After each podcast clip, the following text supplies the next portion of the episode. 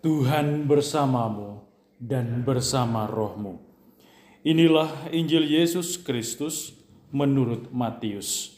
Dimuliakanlah Tuhan.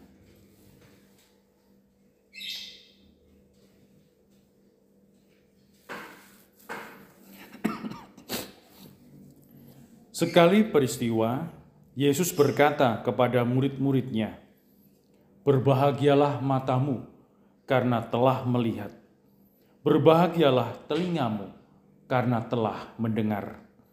Sebab Aku berkata kepadamu, banyak nabi dan orang benar ingin melihat apa yang kamu lihat, tetapi tidak melihatnya, dan ingin mendengar apa yang kamu dengar." tetapi tidak mendengarnya.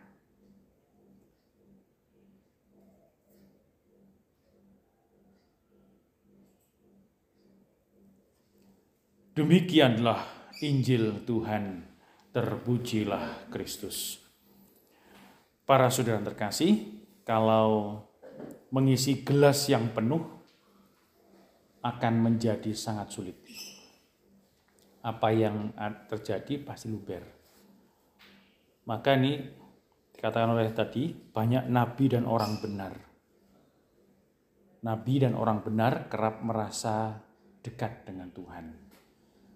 Menyalahkan orang lain lalu mulai lupa bahwa Tuhan itu yang punya kuasa.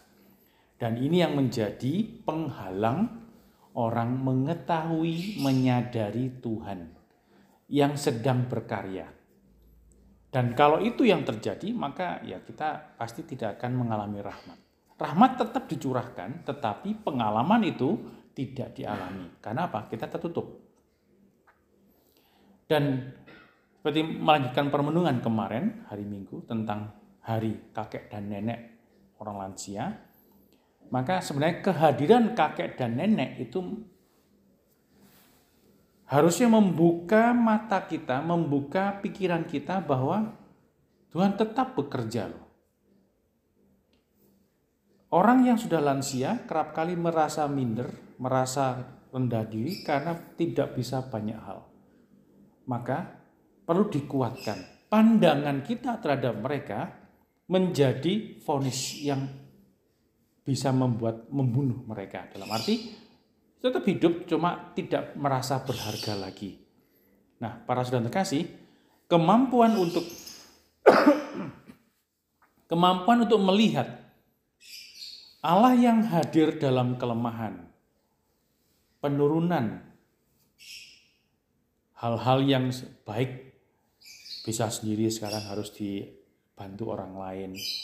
Kemampuan untuk melihat Allah yang tetap hadir itu loh yang dirindukan sebenarnya oleh para nabi dan orang benar yang merasa sudah melihat Tuhan.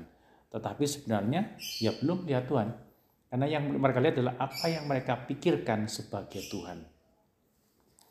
Kata mari para saudara terkasih, pengalaman-pengalaman hidup kita terutama berinteraksi dengan kakek dan nenek, terutama berinteraksi dengan mereka semua yang sudah melemah kekuatannya, berubah kebiasaan hidupnya, menjadi menjadi sangat lemah dan terbatas itu sebenarnya mau membuat kita sadar bahwa iya. Kalau nanti aku ngalami itu aku harus berbuat apa supaya Tuhan itu tetap bisa disadari kehadirannya nah sama kalau gitu bagaimana kita menguatkan mereka semua yang lemah dan terbatas ini agar Tuhan tetap dirasakan. Bagaimana tetap menguatkan seorang anak yang merasa uh, hidupnya tidak berharga lagi karena nilainya jelek. Yang merasa bahwa aku tidak bisa masuk ke universitas yang kuinginkan. Aku tidak bisa berbuat sesuatu untuk membalas kebaikan orang tuaku yang sekarang sudah meninggal. Dengan penyesalan-penyesalan yang mungkin bagi kita, wah nggak masalah. Tapi bagi yang mengalami itu sungguh-sungguh sebagai sesuatu aib, sebagai sesuatu yang benar-benar berat.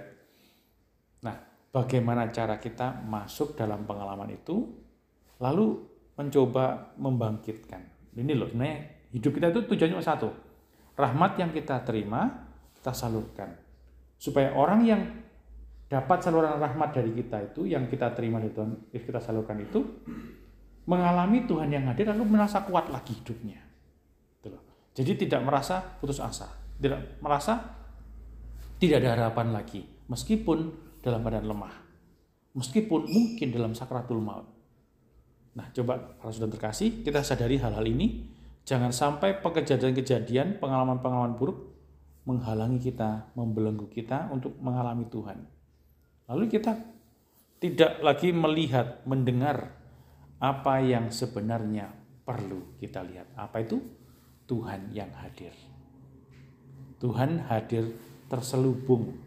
Ini loh, terselubung dalam kejadian. Coba kita renungkan ini sejenak. Semoga hari ini kita tidak terpaku oleh pengalaman-pengalaman manusiawi kita, tetapi mampu melihat ada ada Tuhan di balik pengalaman-pengalaman itu.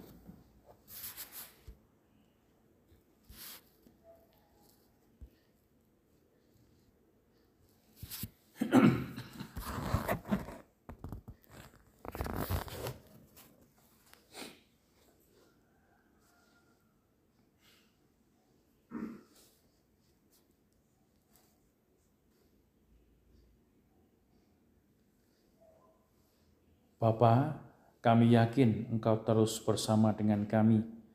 Namun kelemahan, kekurangan, keterbatasan manusiawi kami kerap mempengaruhi kami sehingga kami gagal mengalami, menyadari Engkau yang hadir bersama dengan kami. Sehingga kami pula justru membawa orang lain semakin jauh dari Engkau. Kami ingin mohon rahmat kesembuhan bersama dengan keluarga, Bernadetta Anindya Saraswati dan keluarga, serta Endrianto Suryati Nugroho dan keluarganya. Kami percaya Engkau sedang bersama dengan mereka. Ajarlah mereka dengan rahmat roh kudusmu. Kuatkanlah pengharapan iman mereka, agar mereka tidak lagi terpaku dengan apa yang sedang mereka alami, tapi justru dalam keadaan ini pun mereka hidup saling menguatkan satu sama lain, bahkan membagikan rahmat pula kepada keluarga-keluarga di luar keluarga mereka. Semoga rahmat kesembuhan dan kebersamaan senantiasa kau anugerahkan kepada mereka. Bapa yang Maha Kasih, ke dalam naungan kasihmu kami persembahkan setiap pribadi yang juga sampai saat ini sedang sakit, sedang berbeban berat dan terdampak sangat keras karena pandemi ini. Semoga pengalaman-pengalaman berat itu tidak menjauhkan mereka darimu, tetapi mampu menyatukan mereka, memberi mereka kesempatan untuk semakin mendekat kepadamu. Ke dalam naungan kasihmu pula, kami ingin mempersembahkan saudara-saudari kami yang telah kau panggil menghadap kepadamu, terutama suami, papa, Herman Joyo Hartono, yang telah engkau panggil satu tahun yang lalu kami percaya Engkau berkenan menganugerahi saudara kami ini rahmat sementara mereka sementara dia hidup bersama dengan keluarga di dunia. Kini semoga Engkau berkenan mengampuni segala dosa-dosanya, memperkenankan dia hidup bersama dengan Engkau, dan berkenanlah pula menjadikan dia sebagai pendoa dan pembagi rahmat juga bagi keluarga dan bagi kami semua dalam naungan kasih-Mu ya Bapa, kami persembahkan hidup kami di saat-saat ini. Semoga Engkau sendirilah yang menjadi tumpuan dan harapan hidup kami setiap hari demi Kristus Tuhan dan pengantara kami. Amin.